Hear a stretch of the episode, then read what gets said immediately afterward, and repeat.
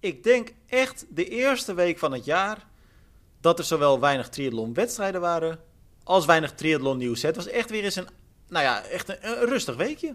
Ja, ja, e-, eigenlijk letterlijk en figuurlijk van mijn kant. Want ik vond het ook een, een beetje een, een, rare week. Zo, die, die, die week na je grote doel, na je wedstrijd. Het is toch een klein beetje een zwart gat, uh, Tim. Ja, toch wel. Want vorige week zei je nog van nou, dat gebeurt er niet. Nee, nee, nee. Ja, ik, ik, ik, was toen al aan het nadenken over een nieuw doel. Daar ben ik nog steeds mee bezig. Uh, maar als ik kijk naar de afgelopen week, ja, dan... Ik, ik heb nauwelijks getraind. Um, ik heb twee keer gezwommen, geloof ik. Uh, en twee keer gelopen. Niet op de fiets gezeten. Uh, ook wel lekker, toch? nog wat aan het reizen geweest. Dus dat, dat, dat speelde natuurlijk ook wel een stukje mee. ja, op zich is het niet, niet slecht. Maar dit is een beetje een raar gevoel. Omdat je bent al die weken training gewend geweest naar dat grote doel. En dat heb je nu bereikt. Uh, en ook vanochtend, toen ik uh, een, een vetloopje ging doen, uh, had ik ook zoiets van: ja, hoe lang ga ik dat doen? Um, ja. En uiteindelijk is het kort geworden, omdat when nature calls, dan moet je gewoon heel snel terug thuis zijn om het wc op te zoeken. dat, dat is het risico bij zo'n nuchter loopje s ochtends.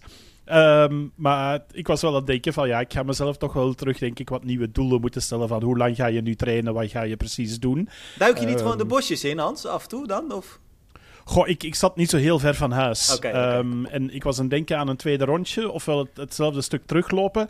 En toen begon ik te voelen, dacht ik van teruglopen, dat ja, gaat ja, niet ja. meer uh, uh, lukken. Um, en ik moest nog een klein stukje doorzetten, dus dacht ik van, nou, ik loop gewoon rustig door naar huis. Um, en dan is het uh, ja, iets van, van een 25 minuten geworden in plaats van een, een half uur. Dus dat, dat viel nog best wel mee. Maar, en dat is ook wel de luxe, toch? Als je dan zo'n wedstrijd gehad hebt, juist even, nou ja, dat het gewoon even niet tussen haakjes moet, hoeft. Het is maar hoe je het bekijkt. Ik vind dat altijd wel lekker als het dan even gewoon, nou ja, wat, wat vrijblijvender is of zo. Ja, ik, ik, ik zeg het, ik vond dat ook niet, niet slecht. En uh, wat ik moet ook zeggen, uh, zoals bijvoorbeeld bij het zwemmen, ja, ik heb gewoon honderdjes gedaan. Uh, ja. ik, ik moet ook wel zeggen, wij hebben in Dijon gezwommen. Daar hebben ze een Olympisch zwembad met een grote tribune erbij en zo. Ziet er fantastisch uit. Was ook lekker, uh, lekker zwemmen. Um, de Fransen begrijpen wel niet altijd. Dat is blijkbaar iets wat een internationaal fenomeen is, Tin. van wat een snelle baan is, een rustige baan en wat er tussenin is. Ja. Um, dus we hebben toch wel twee keer ook van baan moeten, moeten wisselen om, om de snelheid te kunnen inhouden. maar dat was wel fijn. 50 meter bad en dan gewoon even op en neer. En na 100 meter even aan de kant blijven hangen, wat babbelen en dan weer ja. door. Lekker ontspannen. Dus ja, het heeft wel wat, maar het is ook langs de andere kant een vreemd gevoel dat je dan niet dat doel hebt van ja, ik moet vandaag drie uur gaan fietsen, dat soort dingen. Dus dat, maar ben je, wel, je bent wel goed hersteld, dus geen gekke pijntjes, overdadige vermoeidheid? Of? Uh, nee, nee, dat valt eigenlijk allemaal goed mee. Klein beetje last uh, ondervond ik uh, bij het lopen, viel dat nog mee. maar het is vooral ook van ja, bij trappen te doen um, mijn, mijn patellapees van mijn rechterknie. terwijl het eigenlijk de linker was waar ik de blessure aan gehad heb. Maar dat heb ik toen overgecompenseerd op de rechter. En die ah, voelde ik nu ook wel even. Um, dus daar ga ik toch wel mee, nog een keer mee naar de kine. maar voor de rest geen, geen last meer, geen spierpijn. Dat heeft twee dagen geduurd en dan is het beginnen beteren. Um, um, En we hebben eigenlijk ook best nog wel veel uh, gedaan. Uh, actief uh, vakantie gehad, veel gewandeld. Um, dus dan, dan krijg je die, die spierpijn vanzelf wel uit je lichaam. Geen ruzie gekregen ook met je vrouw, omdat je er zo bruut eigenlijk uit het huisje stuurde vorige week? nee, nee, nee, dat heb ik meer dan goed gemaakt ondertussen. Okay, okay. Dus die heeft er ook wel van genoten. die was ook super trots natuurlijk na de wedstrijd. Um, en, en ja, dan nog een paar leuke dagen in Frankrijk gehad. dus dat was eigenlijk ja, best best wel, uh, best wel aangenaam. Leuk. Uh, we zijn nog een dagje uh, Bayonne ingetrokken. dat is um, zeg maar het, het, laatste Franse stadje voor de Spaanse grens. Dat is eigenlijk Frans-Baskeland. Um, heel tof middeleeuws stadje. En dan in het naar huis rijden zijn we ook nog een dag in Dijon gebleven. Natuurlijk mosterd gekocht, die veel ja. te duur is. dus we hebben best nog wel een leuke tijd gehad. En, en ja, het is leuk terugkijken. En, en ook al die berichten die ik heb binnengekregen en reacties. Dat was, dat was tof om te zien. Dus uh, ja, nu is, nu is het gewoon weer business as usual. En dan, ik zeg het, langs de ene kant toch wel een beetje een vreemd gevoel. Uh, en dan zeker ook omdat het een beetje een weekend was waarin niet zo heel veel gebeurde, hè, Tim. En zijn je emoties dan? Want het is nog één vraagje toch nog even over jou. Je, je was natuurlijk vorige week uh, geëmotioneerd, hè? ja, daar ja. kwamen bij ons veel uh, goede reacties op, maar veel reacties dus. mensen die dat konden waarderen. Nou, ik denk ook dat bijna alle triatleten dat of, herkennen natuurlijk. Na ja, ik, zag het bij veel inderdaad, dat ze het, het gevoel herkennen. Dus ik ben er niet alleen in. Nee, maar is het ehm, gezakt nu? Ja, dat is wel ondertussen een beetje uh, gezakt. En je geeft daar ook een, een plaats. Het is ook in, in the heat of the moment. En je zit nog in het gevoel nadien. Um, het, ik krijg nog altijd wel blinkende ogen als ik erover vertel tegen mensen. Dus dat is wel uh, iets wat nog altijd blijft spelen. En ik zie hetzelfde ook bij mijn vrouw overigens. Um, uh, dus dus op, op dat vlak, dat speelt nog wel een beetje mee. Maar het is niet zo dat ik nu nog voor het minste in tranen uitbarst. dat, dat, dat niet. Okay. Ja, de het, het leven gaat verder. Hè? Ja, ja, ja, zeker. Het leven gaat verder. En daarover gesproken, Hans. Kijk, wij hebben vorige week natuurlijk uh, gezegd in de podcast dat we, nou ja, toen zeiden we over drie weken, dus dat zou dan uh, nu over twee weken zijn. Um, een, een aflevering een beetje gaan maken ook over uh, de plannen hè, voor volgend jaar. Um, maar daar hoeven we het nu dan nog niet uitgebreid over te hebben. Dat gaan we dan over twee weken dus doen. Maar toch eventjes, omdat ik het ook gewoon wel leuk vind weer. Ik heb mijn eerste plan toch al gemaakt. Want uh, ik had natuurlijk, nou ja, natuurlijk, ik heb, uh, ik heb dan het geluk dat ik uh, ieder jaar een, een, een, gratis code krijg voor, voor Challenge Road. en die kon ik inleveren tot vandaag, dinsdag 31 oktober. En, ja. Ehm, dus ik heb hem zojuist, ik heb hem verzilverd. Dus ik heb me ingeschreven voor rood. Waarbij ik wel gelijk zeg, ik weet nog niet zeker of ik ga racen. Ja. dat kan ik natuurlijk altijd later beslissen, omdat ik nog, nou ja, wat ik zei ook vorige week, ik wil deze week even gebruiken om echt mijn planning te gaan maken. Maar ik dacht, ja, ik wil toch ook niet die kans helemaal aan me voorbij laten gaan. Ik wil in ieder geval die mogelijkheid nog hebben. Want het, ja, het blijft zo'n vette race natuurlijk. Ja, ja.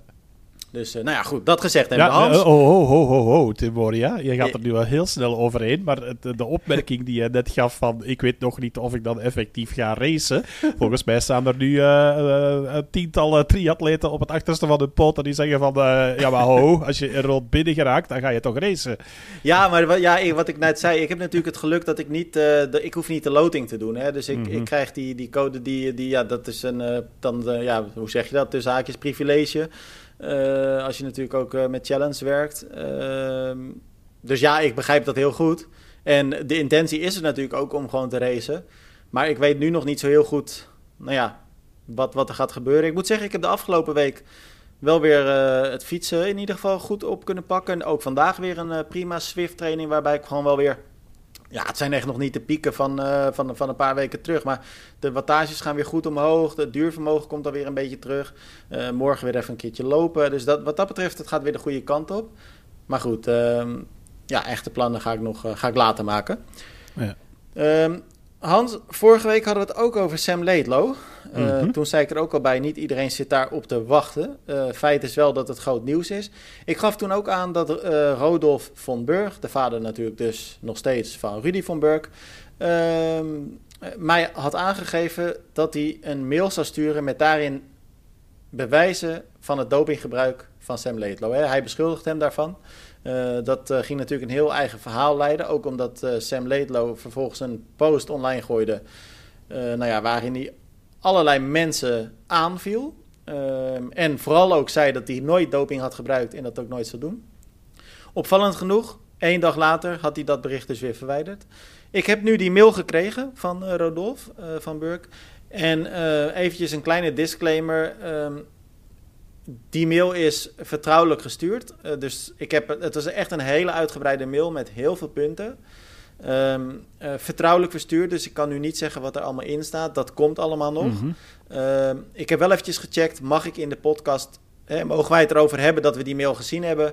En mogen we een klein globaal eh, beeld schetsen? Dat vond hij oké. Okay. Dus, dus mochten luisteraars nu denken... maar waarom heb je het er dan over? Dat was oké. Okay. Ja. Um, heel kort gezegd, Hans, jij hebt die mail ook gezien. Of althans, je, hebt, je, je, grote stukken heb je daarvan. Je hebt een beetje een beeld erbij. Ja, ja klopt. Ik, ik las die mail. En dan moet ik heel eerlijk zeggen, maar dan moet ik ook nog voorzichtig zijn. Want het blijft. Kijk, eh, we weten het niet zeker. En uh, ik ga ook zeker niet zeggen dat Sam Laidlow schuldig is. Absoluut niet. Daar wil ik ook ver van afblijven. Wat ik wel moet en ook mag zeggen, is dat als ik die mail lees. En als dat allemaal waar is dat ik bijzonder de geloofwaardigheid van Sam Laidlow in twijfel trek. Wat, wat, wat denk jij? Ja, dat, dat is een stevige uitspraak, uh, mm -hmm. Tim. Het, het, het ruikt alleszins vreemd. Ehm, dat is mijn eerste impuls. Um, dus en, en, in de sport, en als het over doping gaat, dan eens als er een beetje een zweem rondhangt en, en het gezegd dat waar rook is, is vuur. Ehm, ja, ik kijk er nu ook wel met iets andere ogen naar. Ehm, langs de andere kant is, is er voorlopig ook nog een zaak van woord en wederwoord. Um, de, dus het uh, bedoel, want dat misschien even duidelijk maken naar, uh, naar luisteraars van, van de podcast. Uh, tenzij jij het anders hebt begrepen, ook uit de mail. Maar daar staat nog niet echt iets in van dat hij bijvoorbeeld betrapt is op een bepaald product. Nee, zeker niet. Zeker niet. En um, dat zegt Von Burk daar ook over. Um, de onderzoeken lopen daar nu naar. Um, dus nee, en daarom zei ik ook, we houden echt een, arm, een, een slag om de arm. Wij weten het niet. En, en we kunnen inderdaad niet zeggen, dit zijn de producten die worden gebruikt. Er wordt wel in die mail heel erg gehint naar nou ja, een manier van doping. Um, ja, daar gaan we ook nu nog niet op in. Maar wat ik zeg, dat gaat allemaal later nog komen. Dat komt allemaal naar buiten. Dus, dus wat dat betreft uh, uh, ja, moeten we nu gewoon heel eventjes nog voorzichtig zijn. Mm -hmm. En kijk, Hans, het is ook niet aan ons om nu uh, eigenlijk ongehoord zomaar Sam Laidlow te beschuldigen nee, of te nee, beschadigen. Nee, dat, dat, is het hem net. Hè. Dit is heel gevaarlijk om, om op, op basis van informatie wat één iemand ons bezorgd heeft te gaan roepen van Laidlow, je bent, je bent schuldig. Um, het, het versterkt gewoon nu een beetje het gevoel van dat er wel wat aan de hand was. Um, ook door het feit dat Laidlow um, ja, toch wel een paar mensen echt effectief benoemd heeft. Mm -hmm. Um, zoals Clement Mignot en Marjolaine Pierret en, en Daniel Bekkegaard en dergelijke. Um, dus dus er lijkt wel net iets meer aan de hand dan dat we aanvankelijk uh, dachten. Um, en net zoals jij zei, ook het feit van dat Sam Laidlow uh, zijn, zijn emotionele post, hè, want hij zei dan van ja, ik, laat ik, ik, heb de emoties laten spreken, maar ik wil nu weer verder en dit afsluiten. Dus heeft hij die post verwijderd, maar dat er dan ongeveer in korte lijnen over gezegd ja, als je het allemaal bij elkaar begint op te tellen, dan, dan um, is het niet zo'n um, zo'n heel leuke situatie. Uh, waarvan ik zelf dan als triathlon van vooral hoop van laat het alsjeblieft niet waar zijn. Want dat, vooral. Um, dat, dat, dat zou echt wel een, een serieuze slag zijn in het gezicht van, uh, van, van elke triathlonliefhebber. Uh. Ja, nee, dat, dat zijn we denk ik helemaal met elkaar eens. En waarschijnlijk alle luisteraars ook. Dit wil je gewoon niet binnen je sport. En kijk, je wil het in natuurlijk geen enkel geval. Hè. Toen Colin Cartier werd gepakt, was dat natuurlijk ook uh, waardeloos. Maar laten we eerlijk zijn, Colin Cartier is natuurlijk geen Sam Laidlow die de wereldtitel nee, nee, nee. op zijn naam heeft gezet. Ja, dat is het hem net. En, dat, en, en uh... kijk, hij is een uithangsbord. En, en kijk, dat zal niet internationaal... Kijk, internationaal is dat misschien nog minder dan in Frankrijk. Maar al die Franse jonge triatleten, die kijken natuurlijk tegen hem op alsof hij uh, eigenlijk een god is. En wat ook helemaal terecht is als je het wereldkampioenschap Ironman wint. Maar dat zou natuurlijk een, ja, dat, dat is een enorme smet op de sport als, als, dat, als het waar is. Ja, ja. Ja, daarom. Het, het, is een bijzonder moeilijke materie. Uh, het is ook een, bijzonder klein wereldje. Uh, we kennen iedereen. Uh, dus dus hey, ik heb Sam Laidlow zelf ook al een paar keer gesproken. ik ken de familie van Burg. overigens, om daar ook wat context bij te geven. Rodolf is al jarenlang een, een pertinent doping hater en, en ik mag zelfs zeggen dopingjager. Hè. Hij is ook de man die uh, um, dat, dat dopingcharter voor meer tests heeft uh, gelanceerd, samen met een paar andere agegroep atleten. Um, ook om, om Ironman en andere organisaties te verplichten van niet alleen bij de pro's, maar ook bij de agegroepers voor dopingcontroles te zorgen. Um, en, en hij heeft zich daar al lang tegenover uitgesproken. En als hij nu met, met uh, ja, dit soort aanklachten komt en, en verhalen, ja, dat, dat gaf wel al een beetje vermoeden van wat is er hier allemaal aan de hand. Um, langs de andere kant zit je daar ook met het verhaal van je hebt een racende zoon die concurrent is, die, die eigenlijk een medaille miste door het, het feit dat uh, Laidlow uh, het, het, uh, op het WK won. Ja, dan weet je, het, maakt het nog extra, geeft een extra dimensie aan het verhaal en maakt het nog, nog, nog wat bizarrer. Um, dus ja, ik ben, ben zeer benieuwd wat hier het gevolg gaan, van gaat zijn. Dus dat is wel Ja, ja, ik, ja, ik ben zeer benieuwd. Ik, ik, ik weet even niet wat ik anders moet uitleggen. Nee, en meer moeten we er ook niet over zeggen, denk ik. Uh, maar ik vond het wel belangrijk om dit mee te geven, omdat we nou ja, vorige week over hadden gehad. Die mhm. mail werd toen uh, beloofd en toen zei ik nog van ja, ik heb nog niks gezien. Maar goed, die mail is nu dus, uh, dus binnen. Dus wat dat betreft woord gehouden door Mr. Von Burg. En nou ja, het wordt ongetwijfeld vervolgd. Hans, iets wat waarschijnlijk niet echt meer een vervolg krijgt, maar wel deze week een, waarschijnlijk een laatste vervolg heeft gekregen is de ellende rondom Ironman Maastricht. En met ellende dan bedoel ik natuurlijk het uh, faillissement. Uh, althans het faillissement van Extra Leisure, toen nog uh, de organisator tot, tot mhm. dit jaar. Ehm, deelnemers krijgen hun geld niet terug, eh, heeft de curator nu gezegd. Maar ja, dat, dat komt ook niet echt als, uh, als een verrassing, toch? Nee, nee, dat was een beetje, dat lag in de lijn der verwachtingen. Hè. Dus het, is, het is alleen jammer voor de mensen die er alsnog hadden op gehoopt van dat er nog wat geld zou loskomen en, en dat er nog wat terugbetalingen zouden kunnen gedaan worden. Um, maar ja, ik denk dat als atleet sta je met zo'n klein bedrag um, en dan wil ik het niet minimaliseren van dat 300 euro inschrijvings geld uh, een klein bedrag is. Uh, maar er waren blijkbaar ook nog wat andere schuldeisers en die komen bij een curator ook altijd op de eerste plaats. Dus je weet ook dat, dat als je als individuele eiser zeg maar voor een bedrag van 300 euro bij een faillissement, uh, ja, dan kom je laatst aan de beurt en is de kans bijzonder klein. Um, maar ik, ik, zag ook aan de reacties uh, bij, uh, bij jullie een aantal mensen die zeiden van ja, waarom neemt bijvoorbeeld Ironman hier zijn verantwoordelijkheid niet in en doen zij er iets mee? Want uiteindelijk blijft het wel de naam Ironman wat er ook rondhangt. Um, maar, maar, wat vind jij daarvan, Hans? Want dat, ik, ik weet je wat het is? Ik zie dat vaker, hè, dat soort reacties. En aan de ene kant, kijk, vooropgesteld, als atleet begrijp ik dat. Hè? Want als atleet schrijf je in voor een wedstrijd. Nou, je betaalt in dit geval 300 euro. Uh, in totaal ging het om ongeveer 100 atleten die nou hun geld niet terugkrijgen. En, ik geloof een totaalbedrag van 35.000 euro ongeveer.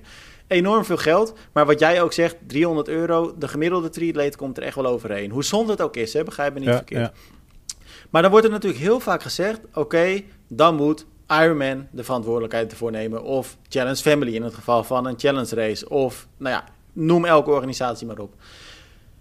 Het feit is wel. Uh, bij Ironman ligt het natuurlijk iets complexer. Uh, maar bijvoorbeeld bij Challenge Family is dat al veel meer. Maar ook voor Ironman geldt het. Die, die, die overkoepelende organisaties, die kunnen natuurlijk niet zomaar dan dat geld ophoesten. Want dat, dat geld hebben zij helemaal mhm. niet. Ja, ze kunnen misschien wel dat geld op hun bankrekening hebben. Dat, dat weet ik niet. Ik heb geen zicht op welke rekening dan ook. Maar het is niet zo dat het, het geld wat ge, hè, wordt. Eh, het inschrijfgeld van een specifieke wedstrijd. komt niet op de rekening van Challenge Family of Ironman. Dat nee, komt nee, daar zit een heel andere businessmodel achter inderdaad. Precies, dus, dus je kunt toch niet dan verwachten altijd maar dat de, dat de overkoepelende organisatie dat vergoedt. Want dan, dan blijft er geen organisatie overeind natuurlijk. Nee, nee, dat is waar. Um, dus, dus ja, ergens denk ik ook van, weet je, het, is jouw brand, het is jouw label. Um, dus misschien scoor je zelfs nog meer door iets te doen voor die atleten. Mm zelfs al is het een deel van het bedrag teruggeven of ze een andere wedstrijd bieden, wat bij heel veel andere mensen wel geboden is. Um, dus daar zijn wel inspanningen uh, voor geleverd overigens, want we, we, doen het nu precies af als dat iedereen in de kou is blijven staan. Dat is ook niet helemaal waar. Maar voor degenen die ervoor kozen van ja, ik wil gewoon mijn geld terug, ik wil geen andere wedstrijd gaan doen. Um, ja, dat, dat is dan een lastige, want de, de, de hoofdverantwoordelijkheid ligt hier bij de organisatie. Um, en dat zal allemaal, denk ik, ook wel in dikke contracten vastgesteld zijn wie dan daarvoor die verantwoordelijkheid opneemt in dit soort gevallen. En dat gaat, denk ik, in, in alle gevallen altijd de, de wedstrijdorganisator zijn en niet het label dat, er, uh, dat ermee achter hangt. Um, want dan heb je natuurlijk een enorme liability als zo'n organisator afhaakt. En dan moet je gaan kijken naar andere modellen van organiseren. Maar dat, dat gaat dan ook, denk ik, over uh, hele andere kostenplaatsen gaan. Uh, dus dus het, is het, ja, het is een slecht verhaal, punt. Dat, uh... Het is in ieder geval jammer, hè? Eh, gewoon dat die wedstrijd er ook niet meer is. En nou ja, dat er nu ook een grote, of ja, het valt eigenlijk wel mee, grote groep 100 atleten. Best wel klein eigenlijk. Maar dat er een, eh, dus een kleine groep gedupeerde atleten nu is die teleurgesteld is, ja, dat is altijd jammer. En nou ja, om dan even een bruggetje met die doping nog te slaan. Ook dit is gewoon slecht voor de sport. Uh, komt dan toch weer negatief in het nieuws. Want dat is dan ook weer zoiets. Dat zie ik dan best wel uh, prominent op 1 Limburg voorbij komen. Hè. Dat is dan een, een, een regionale uh, nieuwssite hier in Nederland. Weet je, als er bij wijze van spreken een wedstrijd plaatsvindt, dan lees je het niet. En dan dit zie je dan op de site. En dan denk ik, ja, dat is dan ontzettend zonde. Mm -hmm. maar ja, goed, dat is ook hoe het werkt uiteindelijk. leuke nieuws, Hans in ieder geval voor jullie, Belgen. Want uh, Claire Michel heeft dat goed gedaan dit weekend. Hè? Bij een van de weinige wedstrijden die er wel waren. Ja, ja, ja. De, de World Cup in uh, Miyazaki in, uh, in Japan. Uh, was, was weer goed gedaan van Claire. Die is aan een ja. super seizoen bezig. Ehm, net buiten de top 10 op de Grand Final in Pontevedra. En dan telkens week na week in de top 10. En zoals een podiumplaats erbij. een tweede, een vierde, een zesde en een achtste plaats. Is goed in de even uh, getallen. Ja. Uh, zo aan het einde van, van het seizoen. Um, dus ja, goed. goed. Goed, gedaan alweer van, van Claire. Um, ze gaf nu zelf ook wel aan dat het effectief de laatste was van het seizoen. Mm -hmm. um, want dat heeft lang, lang geduurd. Het heeft ook lang geduurd dat ze echt in vorm kwam. Uh, want dat is dan ook wel het, het extraatje aan, aan um, uh, heel het verhaal. Misschien moet ik eerst even teruggaan naar de wedstrijd zelf, waarin ze heel sterk gelopen heeft. Vijfde looptijd, want ze was niet mee met, uh, met de kopgroep. Um, een 30 seconden had ze achter na het zwemmen, maar dat was ook zonder wetsuit. Um, dus dan is ze sowieso altijd een beetje in het, in het nadeel. Al vond ik het nog wel grappig vorige week in, in Vieux-Bocaux. Uh, zat ik tijdens de koers Landijzen met uh, Noah Sterven nog even te babbelen. En uh, we hadden het er samen over van, ja, dat was echt wel een, een historisch weekend toen. Omdat Claire was toen als tweede of derde uit het water gekomen op, op ja, een fractie van, van de leidster. En dat is iets wat haar, denk ik, in haar carrière nog nooit overkomen is, dat ze zo snel uit het water komt. Um, dus we waren daar nog wel een beetje mee aan het grinniken van to, toch wel straf. Um, en nu zwom ze eigenlijk ook behoorlijk, maar kon ze net niet aansluiten.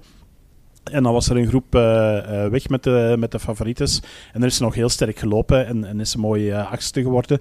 Um, dus alweer een sterke prestatie. met dan Bianca Serechny die het haalde voor, voor Gwen Jorgensen. Ook die Serechny overigens is ook wel in, in, in goede doen de laatste weken. Dat is echt wel van de Italiaanse was dat niet meteen de naam die ik aan het begin van het seizoen zou naar voren geschoven hebben nee. als uh, mogelijk Olympische kandidaten. Uh, maar ze doet het op dit moment supergoed. En ik denk dat ze momenteel zelfs tweede in lijn is voor Italië om naar de Spelen te gaan. Ja, het is mooi te zien. En uh, nou ja, jij zegt Gwen Jorgensen uh, tweede. Laten we ook niet vergeten, uh, dit jaar natuurlijk haar comeback gemaakt. Die heeft toch ook wel een lekker seizoen tot nu toe. Het begon ook wat stroever. maar die heeft nu ook al een paar overwinningen. Tweede plek erbij. Ja. die, die timmert toch ook wel weer lekker aan de weg daar. Nee, inderdaad. inderdaad. Uh, daar moet wel bijgezegd worden dat Gwen Jorgensen vooral in de World Cups heeft uh, gescoord ja. en nog niet echt in de World Triathlon Championship Series. Um, dus daar heeft ze nog flink wat, uh, wat werk aan de winkel. Want op dit moment staan er nog veel Amerikaanse dames voor haar. Ik was het vanochtend nog aan het bekijken. En er staan op dit moment zeven Amerikaanse dames voor haar in de Olympische rankings. Ze staat zelf 44ste. Um, en er zitten best nog wel een paar straffen tussen. Uh, en ik vond het ook opvallend um, dat uh, Taylor Nip, die nog altijd tiende staat, overigens in de Olympische ja. ranking van, uh, van World Triathlon, um, dat die na het WK Ironman in Hawaii ook zei van, ja, Parijs volgend jaar, dat zie ik wel zitten. Um, dus als Nip zich ook terug begint te richten op, op de Spelen, ja, dan de, de plaatsen gaan bijzonder, bijzonder duur worden voor, voor Amerika. Ja, ja, zeker. Hans, jij zei net, uh, volgens mij heel terecht, Claire Michel, die geeft er nu een, die, die breidt er een eind aan. Seizoen zit erop, lang, lang seizoen geweest. Je zei net ook al, week na week na week, hè, ze reizen de hele wereld over. Um, dat geldt natuurlijk voor al die triatleten die, nou ja, die de World Cups doen, WTCS soms nog erbij, Europe Cups natuurlijk ook. Um, Donald Hillebrecht kwam dit weekend ook in actie in Miyazaki. Werd daar uit mijn hoofd 42ste. Uh, Donald is echt een hele, hele uh, hoe zeg je dat? strijdvaardige, gepassioneerde atleet. Zo ken ik hem in ieder geval. die heel erg bezig is met zoveel mogelijk Olympische kwalificatiepunten verzamelen. En dat geldt natuurlijk niet alleen voor Donald. Dat geldt voor heel veel triatleten wereldwijd, uit alle landen eigenlijk. Feit is wel dat Donald Hillebrecht een uh, pittig seizoen achter de rug heeft. waarin eigenlijk geen enkele echte topklassering uh, naar voren kwam. En dat is niet iets wat helemaal nieuw is voor Donald. Vorig jaar ging ook al niet echt lekker. Um, en ook dat is echt niet alleen natuurlijk toegeschreven aan Donald. Er zijn veel meer atleten die daar ook tegenaan lopen. Hè, die gewoon net even tekort komen. Ja. In ieder geval dit jaar om nou ja, richting die Olympische Spelen te gaan. Want als je gewoon heel objectief nu naar, naar bijvoorbeeld Donald Hillebrecht dan kijkt, die sprokkelt dan af en toe wat puntjes. Maar eigenlijk kun je nu al ja, er, er, moeten wel hele gekke dingen gebeuren. Mocht hij toch nog Parijs gaan halen. Zo, zo eerlijk kunnen wij wel zijn, denk ik. Uh, en, en ik denk ook dat hij dat zelf best wel uh, zal, zal begrijpen. Maar dan zie ik onder de artikels ook wel eens de discussie ontstaan van. Want als je ook naar Donald kijkt, die reist ook echt de hele wereld over. Die heeft ja, dan weer een hele Azië-tour achter de rug, nu dan. Maar in hoeverre moet je dan als atleet tijd, geld, moeite blijven investeren. En ik denk dat geld dan eigenlijk op de voornaamste, uh, de voornaamste uh, factor is. Hoeveel moet je blijven investeren om je droom na te jagen. Wat, wat, wat vind jij? En dan hoef ik geen specifiek bedrag, maar hoe ver moet je daarin gaan? Ja, ja ik, ik, ik zit, zit af en toe met dezelfde afweging. Het, het, en niet alleen in geld overigens, maar ook de energie die dat kost. Uh, het, het reizen ook nog eens uh, op zich. Um, dat dat uh, brengt ook wel wat met zich mee. ze doen het vaak bijna helemaal solo, want dat, mm -hmm. dat is niet altijd supported door... het is niet zoals in het wielrennen dat je met een team afzakt naar zo'n wereldbeker. Vaak zijn het atleten die gewoon alleen uh, vertrekken. Uh, fiets de fietskoffer in, uh, maar hopen en vingers kruisen dat die heel hard ter plaatse aankomt. En op zelf regelen ook vaak nog. Um, dus, dus het is niet alleen een centen, maar het is ook gewoon ja, een, een, investering die je maakt om een Olympische droom na te jagen die, die, die misschien bijzonder moeilijk wordt. Um, want ik was het net even aan het kijken in het geval van, van Donald Hillebrecht. Hij staat op het moment 217e in de Olympische ranking. Dat is niet de uitgezuiverde, dus daar zitten natuurlijk veel landen voor uh, die hun uh, Olympisch maximum al ingevuld hebben. Dus mm. hij zal daarin zeker ook nog stijgen. Maar ik zie dat hij de afgelopen tijd, um, met, met de punten die hij nu verdiend heeft, is, is hij zeven plaatsen gestegen op de ranking. En dan denk je van ja, dan moet er richting Parijs nog heel veel gebeuren. En, en niet alleen bij hem. Zo zijn er nog atleten die, die uh, eigenlijk buiten die top 50 zitten. En, en ja, moeten mikken op in welke wedstrijden kan ik punten gaan pakken. En dan is ook de vraag, als je dan nog erin zou slagen om je droom na te jagen en het te halen, hoe fris ben je dan op de Olympische Spelen als je mhm. keihard hebt moeten werken voor kwalificatie? Want dat is ook nog wel een ding. Wanneer maak je dan de keuze, Hans, dat je, dat je toch tegen jezelf zou moeten zeggen? Of ja, je moet het niet, maar wat, wat verstandig is: van ja, misschien moet ik hem laten varen, die droom. Want dat is natuurlijk ja. gigantisch lastig. Ja, ja dat, dat, ik denk dat dat als atleet zijnde een bijzonder moeilijke is. Want ik, mhm. ik denk, het, het hoort ook wel bij topsporters om, om er te blijven voor gaan en, en die droom na te jagen. En je weet het nooit, hè. Um, ik bedoel, als je een goede periode hebt en je denkt, ik, ik heb een goede winter en mijn eerste wedstrijden vallen mee um, en ik pak daar twee, drie goede resultaten, dan kan je zomaar weer vertrokken zijn. Dus het is, het is nooit een, een, een wit-zwart verhaal. Um, het, het, ik denk dat het een moeilijke is, uh, zeker in deze periode richting de Spelen, om, om definitief de stekker eruit te trekken. Ook omdat je hebt nog altijd natuurlijk de kans om met de Mixed Team Relay uh, mm-hmm. je te plaatsen. Um, en ja, dan wil je daar misschien ook wel weer bij zijn, want stel dat je dan individueel het niet haalt, dat je toch die spelen kan meemaken als triatleet als deel van, uh, van Team Nederland. Uh, bij ons is dat een ander verhaal. Wij zitten met de luxe um, dat, dat onze uh, vijf toppers op dit moment uh, allemaal in de top 50 uh, staan. dus ja, voor, voor Nederland is dat ook nog eens op, op twee paarden gokken op dit moment. Van ga je individueel of ga je voor, voor mixed team relay? Of kan je alleen nog maar voor mixed team relay gaan? Dus dit is een ja, het, het, zal nog een lange weg worden. En, en um, ik, ik, ik hoop zelf dat Donald er nog in slaagt van, van wat goede resultaten neer te zetten. Want uh, laten we dat niet vergeten. Donald Hillebrecht is gewoon een goede triatleet. Ja, maar dat um, vind ik zo zonde. Juist dat vind ik zo zonde eraan. Want kijk, dat hij heel veel talent heeft, dat is, dat is evident. Maar wat ik, wat ik zelf bijvoorbeeld wat lastiger begrijp. Um, als ik bijvoorbeeld ja, je zei het al, hè? wat was het, 257 of zo, zei je geloof ik? 217e, uh, ja. Oké, okay, nou, zeven plekjes gestegen, uh, gewoon te weinig punten verzameld. Zo simpel is het gewoon. En ik denk ook dat het voor je moraal niet goed is als je bijna altijd 40ste, misschien met een uitschieter 30ste uh, wordt. Dat dat helpt niet mee aan je moraal. Um, als ik het dan zou moeten bepalen, dan zou ik zeggen, zoals Donald, dan zou ik zeggen, laat die, laat die droom misschien varen. Ga je richten op en nogmaals, ja, nu betrekken we het natuurlijk heel erg op Donald, omdat hij deze week in actie is gekomen. Maar dit geldt denk ik voor heel veel atleten. Ja, klopt. Maar misschien kun je veel beter die pak, pak die Nederlandse of die Belgische wedstrijden weer op. Ik, want ik ook bijvoorbeeld het NK Rotterdam, waar wij de livestream van hebben gedaan.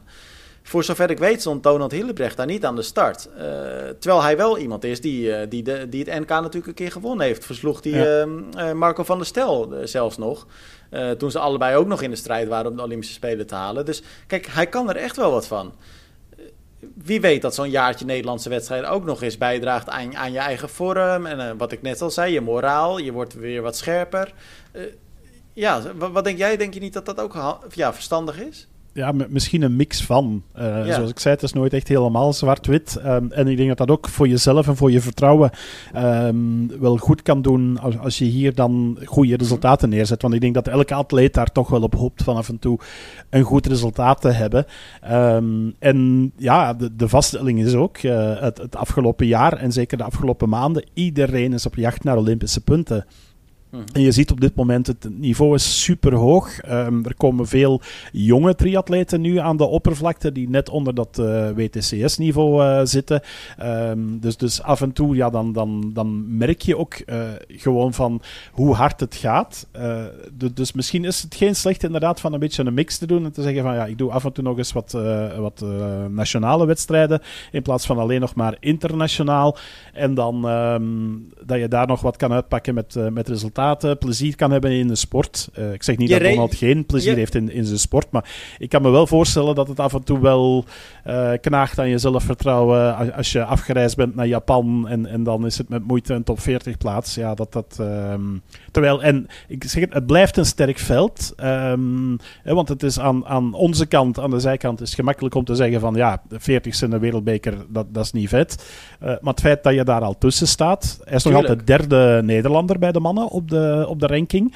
Hè, want een, een, Mitch Kootman, die ook wel een goed seizoen heeft gehad uh, met een paar uh, uitschieters die, die voor hem staat, niet zo super ver. Dus als Donald een paar uitschieters heeft, kan hij zo weer over Mitch Kootman heen gaan. Um, en dan moet Mitch ook weer aan de bak om punten te pakken. Dus het is een, een, een, moeilijk verhaal voor veel triatleten op dit moment. zodat dat laatste jaar voor de Spelen, het is wel een herkenbare. En wij moeten dan zeggen in België van goed dat wij de luxe hebben dat, dat we dat alleszins niet hebben. En dat we eigenlijk zo goed als zeker zijn dat we met z'n vieren in, uh, in Parijs staan. Nou, Hans, worden lastige tijden dan inderdaad. Ja. Uh, overigens, uh, daarover gesproken, want um, wij hebben dan de extra luxe, want bij de mannen uh, staan we er op dit moment supergoed uh, voor. Uh, Jelle Geens die staat echt helemaal mee, mee vooraan. Ik dacht in de top 10, die staat op plaats nummer 6. En Marten die staat op de 38ste plaats. Mm -hmm. En dan hebben Arno Maugel nog op de 64ste plaats en Noah Servey op plaats 84. Dus die mannen staan eigenlijk ja, met twee man dik in de top 50 en, en de andere twee zitten er ook dichtbij. Um, dus die, die kunnen mogelijk ook gaan rekenen op een reserveplaats voor, uh, voor de Belgian Hammers. Um, al is de vraag overigens of Noah Servet dat wil doen, want dat vond ik ook wel een opvallende. Ik heb hem in Via Bocco er ook over gesproken. Uh, die plaatste onlangs een post uh, online, Tim, en die zei van ik wil stilletjes aan stoppen met zo'n grote um, ecologische voetdruk achter te laten als triatleet. Hij zei, want wij zijn altijd onderweg naar de andere kant van de wereld. Dat is altijd met het vliegtuig. Hij zei, en ik ben er eigenlijk wel aan toe om, om wat meer aan de natuur te gaan denken en aan mijn uh, voetafdruk. Hij zei, dus ik wil meer wedstrijden in de buurt gaan doen, waar ik uh, al carpoolend of op een andere manier naartoe kan reizen. Okay. Zodanig dat ik niet altijd het vliegtuig moet nemen. En dat vond ik wel een bijzonder. Ik heb hem er ook over aangesproken. Hij zei, ja, hij zei, ik, dat is wat in mijn hoofd speelt. Maar ik moet dat natuurlijk ook nog wel even verifiëren met de bond, met uh, Defensie. Want dat zijn ook de mensen die hem betalen. Um, dus dat is ook nog een dubbeltje op zijn kant natuurlijk. Want ja, als je je wil kwalificeren voor Parijs, dan moet je natuurlijk wel die reizen maken. Um, ik heb de discussie met hem ook afgesloten en gezegd: Kijk, Noah, je hebt één voordeel. Parijs is dichtbij. Daar kan je met de fiets naartoe. dus dat, ja, ja, ik vind het wel. er is wel wat voor te zeggen dat die. nou ja, daarover gesproken, wat ik ook mooi vind. Er zijn ook steeds meer wedstrijdorganisaties die toch wel het een en ander doen om die footprint nou ja, op zijn minst uh, uh, te verkleinen. Dus wat dat betreft, uh, ja, ik denk dat dat wel een hele mooie ontwikkeling is. Ja, ja we moeten wat, er met z'n allen Wat wel een conclusie ook is, Hans. Um, het is morgen 1 november. Twee maandjes, dan zit het jaar er alweer op. En dan is het gewoon, het Olympisch jaar is alweer begonnen, ja, joh. Het gaat, ja. gaat echt hard. Ja, ja, ja, ja. Ja, en dat, dus wordt, dat, uh, dat, wordt spannend, want daar wou ik eigenlijk toe komen. Maar dan dacht ik even aan dat gesprek met, uh, met Noah. Uh, maar met Claire Michel, die de afgelopen weken zo goed bezig is, die is um, haasje overgegaan met Valerie Barthélemy. Ehm, en nog niet een beetje, want Claire heeft nu heel veel Olympische punten uh, gesprokkeld. Dus op dit moment staat Claire eigenlijk uh, vrij dicht achter Jolien Vermeijlen in de top 30. Uh, en is Valerie, die, waarvan wij eigenlijk een paar maanden geleden zeiden van het ziet er naar uit dat het Jolien Vermeijlen en Valerie Barthélemy worden die naar Parijs gaan, moeten we nu stellen van dat Claire Michel een inhaalbeweging gemaakt heeft. En dan moet bij ons Valerie Barthélemy aan, aan de slag. Ehm, dus dat, dat, ja, ik, ik, kijk uit naar 2024. Dat wordt wordt een, een bijzonder interessante periode. Er zal toch wel een hele druk op die gasten staan, hè Hans? Want ik bedoel, kijk, jij noemt het nu zeg maar zo even tussen neus en lippen door, bij wijze van spreken. Maar zij kijken natuurlijk zelf ook naar die ranking. Uh, en dan voel je gewoon, hé, hey, er komt iemand uh, dichterbij. Ja, dat, dat, lijkt me best wel uh, pittig hoor. Ja, ja, ja, ja. ja. Ik, ik denk dat, uh, dat dat af en toe, of af en toe, dat dat vaak wel meespeelt. Uh, um, en je weet natuurlijk ook van die, die, die ranking is relatief. En daar wordt uh, rekening gehouden met de eerste en de tweede periode en het aantal wedstrijden. En je kan daar wel nog wat in goed maken. Um, maar je weet wel van, ja, ik moet aan de bak. Dat, dat, dat is zeker. Dus ja. ik denk dat het een interessante winter wordt voor onze drie Belgische dames. Die moeten gewoon blijven presteren en zich blijven bewijzen. Um, en dat is langs de ene kant het mooie aan de sport. Maar dat is natuurlijk ook het lastige. Is van, je kan nooit eens echt op je lauweren gaan rusten en zeggen van oké, okay, uh, nu kunnen we daarop gaan focussen. Uh, tenzij je Pieter Hemerijk heet en, en een Ironman wint en dan ja. voor de rest van het jaar je wedstrijden kan uitkiezen. Dus wat dat ligt luxe. dan net weer wat anders. Uh, ja. ja. nou en als het aan wat Nederlanders ligt, hebben wij die situatie over, ik denk dat het nu twee weken is ook. Want uh, zij gaan helemaal los uh, op Iron, bij Ironman Cozumel. Daar hebben ze hun pijl op gericht. Uh, Menno Koas, Tristan Olij.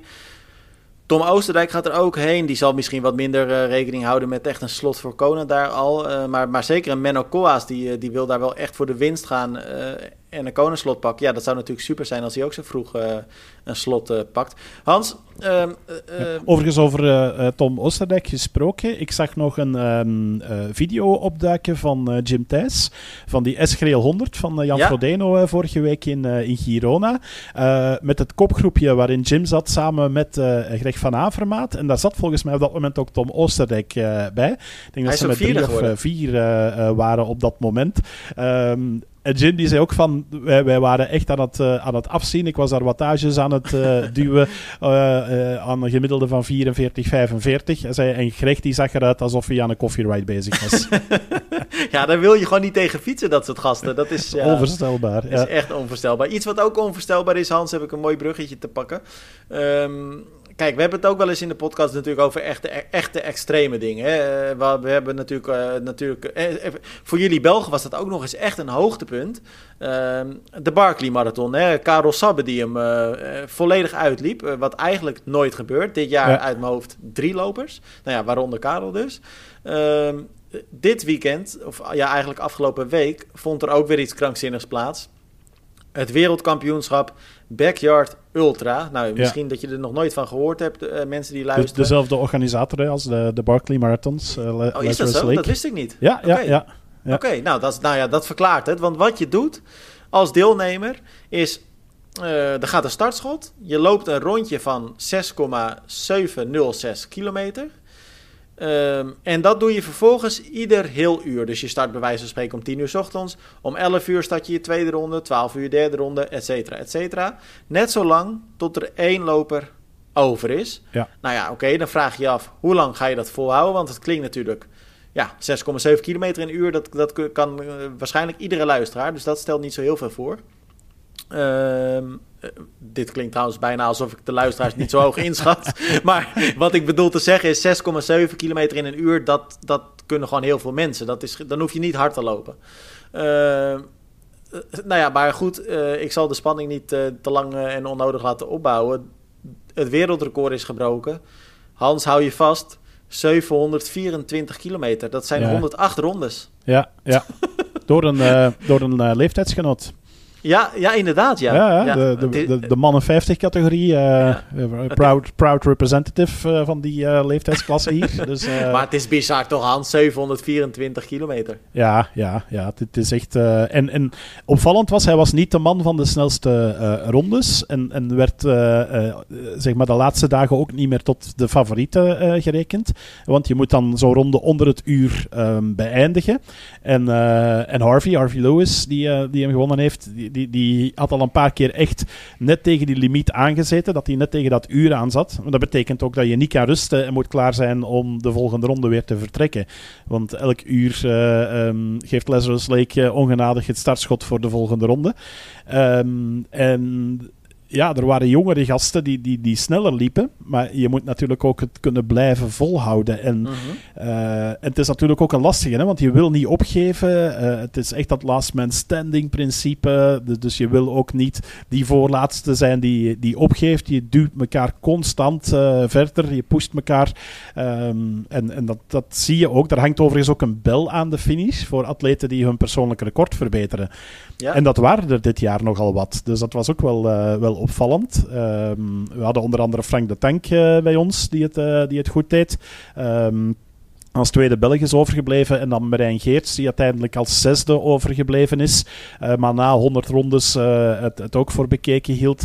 Ja, dit is echt bizar. Want stel dat je elk uur gemiddeld dan. In het geval denk ik van Marijn, die, die zat rond de 50 minuten.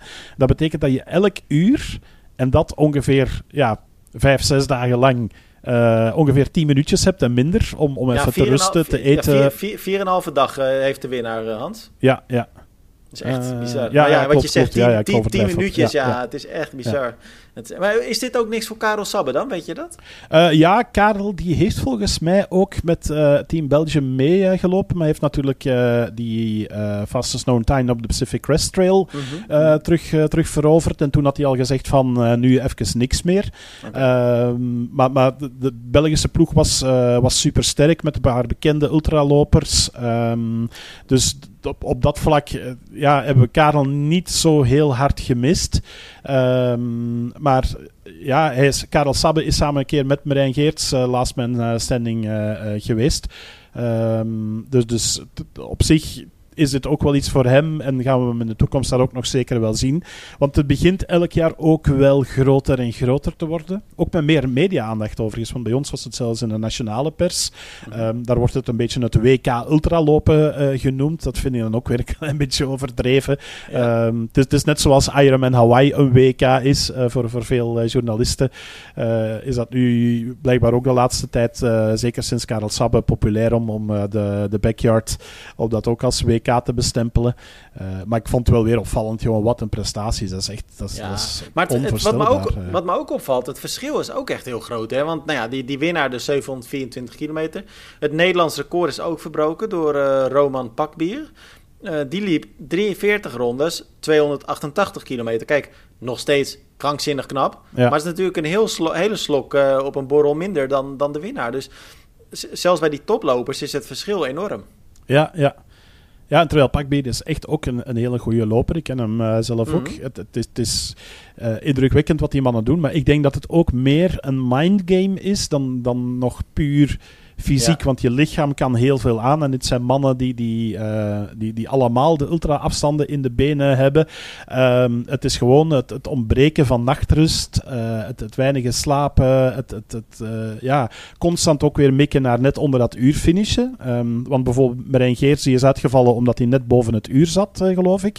Ehm, dus, dus ja, je kan hebben dat je zegt van ik zie het niet meer zitten, ik start niet meer aan de volgende ronde.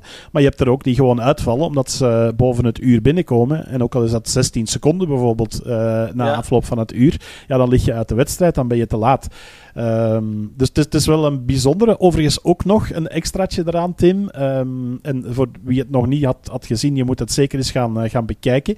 Maar overdag liepen ze eh, een trailrun. En was het dus een, een lekker pittig offroad parcours. Eh, en s'nachts liepen ze over de weg om de risico's te beperken op, op kwetsuren. Eh, dus dat was ook dan nog een ding van ja, wie komt er het beste de nacht eh, door eh, op de weg en, en wie heeft er dan nog over om overdag op de trail weer, weer beter te lopen. Ja, het is echt wel een, een, een serieuze mindgame, eh mental Dit is game. wel weer iets waarvan ik dan denk, hoeveel rondjes zou ik het volhouden? Ja, hè? Ja, dat, Heb je dat ook? Ja, ja absoluut, absoluut. Want je, je begint dat op jezelf een beetje ehm, te betrekken en dan ga je kijken van oké, wat, wat zou ik aankunnen? en dan denk Ja. je van oké, rondje of vier, vijf, dat zou al wel lukken. Eh, eigenlijk aan een gezapig tempo, eh 6,7 kilometer blijven lopen, ehm, dat zou ik ook wel tot 10 rondjes misschien moeten kunnen rekken. Eh, Maar dan zit je aan 67 kilometer. En dat is eigenlijk bloody hell veel. ja, dat is echt. Ja, ik, kijk, als ik dan die, die 100 kilometer die ik toen gedaan heb, dat liep ik in een gemiddelde van 10 kilometer per uur. Dus dan zou je. Ja, dat, is, dat is best nog wel snel. Ja, daar was ik tevreden over. Maar dan zou je dus afvragen. Maar, want ik denk eigenlijk dat misschien hier ook nog wel het. Het klinkt natuurlijk heel lekker, hè? Die, die, die 10 minuten. Of misschien als je wat harder loopt, 20 minuten rust. Maar je wordt natuurlijk ook gewoon stijf dan, hè? Als je gaat zitten. Of als je op zijn minst in ieder geval stilstaat. Uh, ik weet nou niet of dat zo heel bevorderlijk is. Dus ja, je, je bent ook je ritme wat kwijt, denk ik. Dan. Dus dat, dat is uh, wel de, de, heel, heel lullig voorbeeld misschien, maar dat is mijn wedstrijd van, uh, van vorige week in, in Vieux-Bocaux. Daar ben ik blijven lopen. Uh, behalve van de aid stations. Um, daar stond ik stil om wat, wat te drinken en wandelde ik naar de vuilnisbak om dan daar mijn bekertje te droppen. En vanaf daar begon ik elke keer weer te lopen. Um, iets wat ik overigens met Peter Kroes had afgesproken. En is misschien nog een hele goede tip ook voor, voor triatleten die ermee worstelen. Um, want één keer als je begint te stappen, wordt het mentaal zwaarder om terug te beginnen lopen. Dus Peter zei ook, maak vanaf het begin met jezelf de afspraak aan het aidstation. Vanaf die plaats. Zei dat kan vanaf die vrachtwagen, die boom, uh, die bloem die er staat. Uh, daar ga ik terug lopen. Dat je gewoon die afspraak maakt met jezelf en dan ben je terug vertrokken. Uh, en ik merkte dat bij mezelf ook. Als je dan heel even wandelt, het duurt toch wel weer even. Uh, het is niet super lang, dat duurt even voor je helemaal terug in je ritme zit. Want je bent gewend geweest om, om een paar kilometer aan hetzelfde tempo te lopen. En dat ben je dan de hele tijd aan het doen. En in één keer ben je dat ritme kwijt en moet je dat terug weer wat gaan zoeken. Dus dan, ik denk dat dat al lastig is. Ja, dat denk ik ook. En, en ja, want we zeiden het net al, 4,5 dag. Wat denk je van je eten en je drinken, Hans? Want op een gegeven moment, dat, dat is natuurlijk ook gewoon bijna niet te doen als je dat nou ja, ik, ja echt, echt petje af. Ik vind het, dit soort dingen, het blijft me mateloos intrigeren. En ik vind het zo ontzettend knap dat mensen dit kunnen. Kijk, we, we kunnen natuurlijk allebei wel uh, eerlijk zeggen, Hans, gezond is het niet. Maar er zijn wel meer dingen die niet heel gezond zijn. En dan kun je volgens mij beter dit soort dingen doen dan dat je, nou ja, je uh, helemaal uh, ziek rookt of, of nou ja, wat dan ook. ja, beats, beats sitting in the couch, zeg ik altijd. precies, precies. Nou Hans, we zijn er doorheen denk ik hè, voor deze week. Er was gewoon niet zo heel veel verder. Nee, nee. Um, en ja, de komende weken op wedstrijdvlak ook niet zo superveel. Al begint bij ons het winterseizoen wel op volle toeren te draaien. Uh, ik ga zelf aan de slag in, uh, in Beringen uh, voor de crossduathlon daar op zondag en de, de night trail op, op zaterdag. Ja. Dus dat is wel een mooie om naar, naar uit te kijken. Um, ja, en, en verder stilaan richting Hel van Kasterlee. Um, en Wanneer is die? Weet je dat uit je hoofd? 17 december, dacht ik. Zondag okay. 17 december. Um, ja.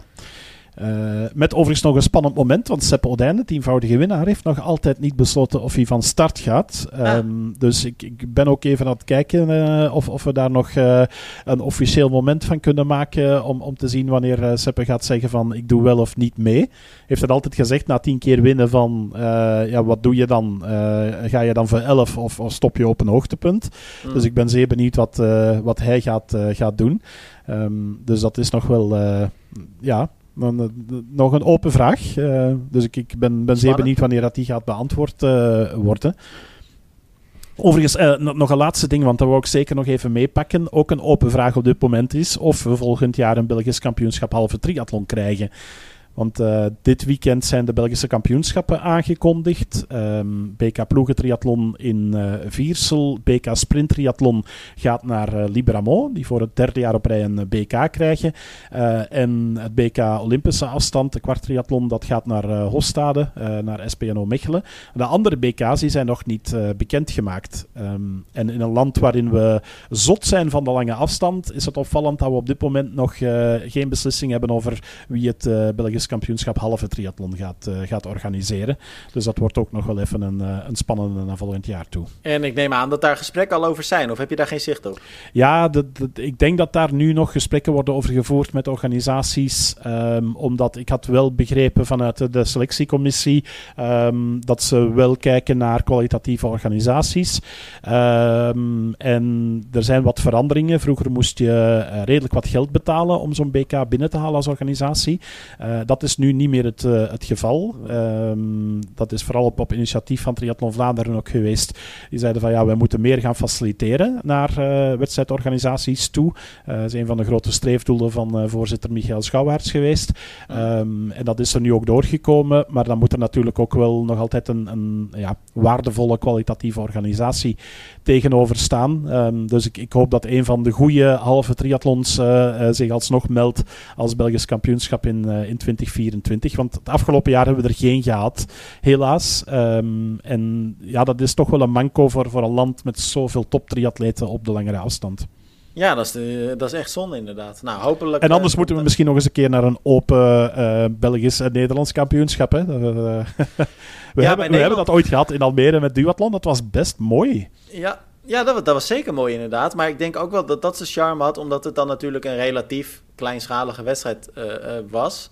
Qua deelnemers bedoel ik dan, want het was toen onderdeel van Duin Triathlon, hè, wat wel een hele grote triathlon is. Duathlon was dan een, natuurlijk een iets kleiner onderdeel. Uh, ja, en tussen haakjes, een probleem zou dan ook zijn. Kijk, in Nederland is het NK middel en ook long uh, distance best wel groot. Ja. Um, en nou ja, middenafstand was natuurlijk wel een probleem nu weer met nieuwkoop. Uh, is toen ook weer een streep doorheen gegaan. Uh, ja, lang is eigenlijk bijna altijd in Almere. Dus dat is natuurlijk sowieso een groot feest. Maar ja, ik denk dat heel veel atleten er geen problemen mee zouden hebben... als dat een soort mixed NK slash BK gaat worden. Nee, nee. Dus, uh, en waarom niet? Ja, het enige is dan de locatie natuurlijk. Ja, ja. Ja misschien moet ik uh, Wim de Donker eens aanmoedigen, want die gaat uh, in, in Cannes, de, de Cave triathlon, wordt ja. een, een Holland-België, wordt een halve triathlon nu ook. waar het vroeger een, een 111 was, wordt het nu een echte halve triathlon. En um, um, Raymond Beren, die stapt daar met de 043 triathlon van Maastricht in. Dus dat wordt eigenlijk een Holland-België, net over de grens, vlakbij bij Maastricht. Dus de best of both worlds. Um, dus dat ziet er ook wel een heel toffe wedstrijd uit. Heel mooi parcours overigens, ook met de Slingerberg erin, uh, passage door de Mergelgrotten. Um, dus, dus ja, wie weet, dat zou misschien nog wel een mooie zijn om een gezamenlijk uh, NK-BK te organiseren. Ja, nou, we gaan het in de gaten houden, Hans. Uh, dit weekend uh, Ironman uh, Florida, onder andere. Dus dat is ook nog wel een, een leuke natuurlijk om in de gaten te houden. En dan gaan we het daar en, en ook over alle andere dingen volgende week gewoon weer hebben, toch? Absoluut. Tot dan. Alright. Tot dan.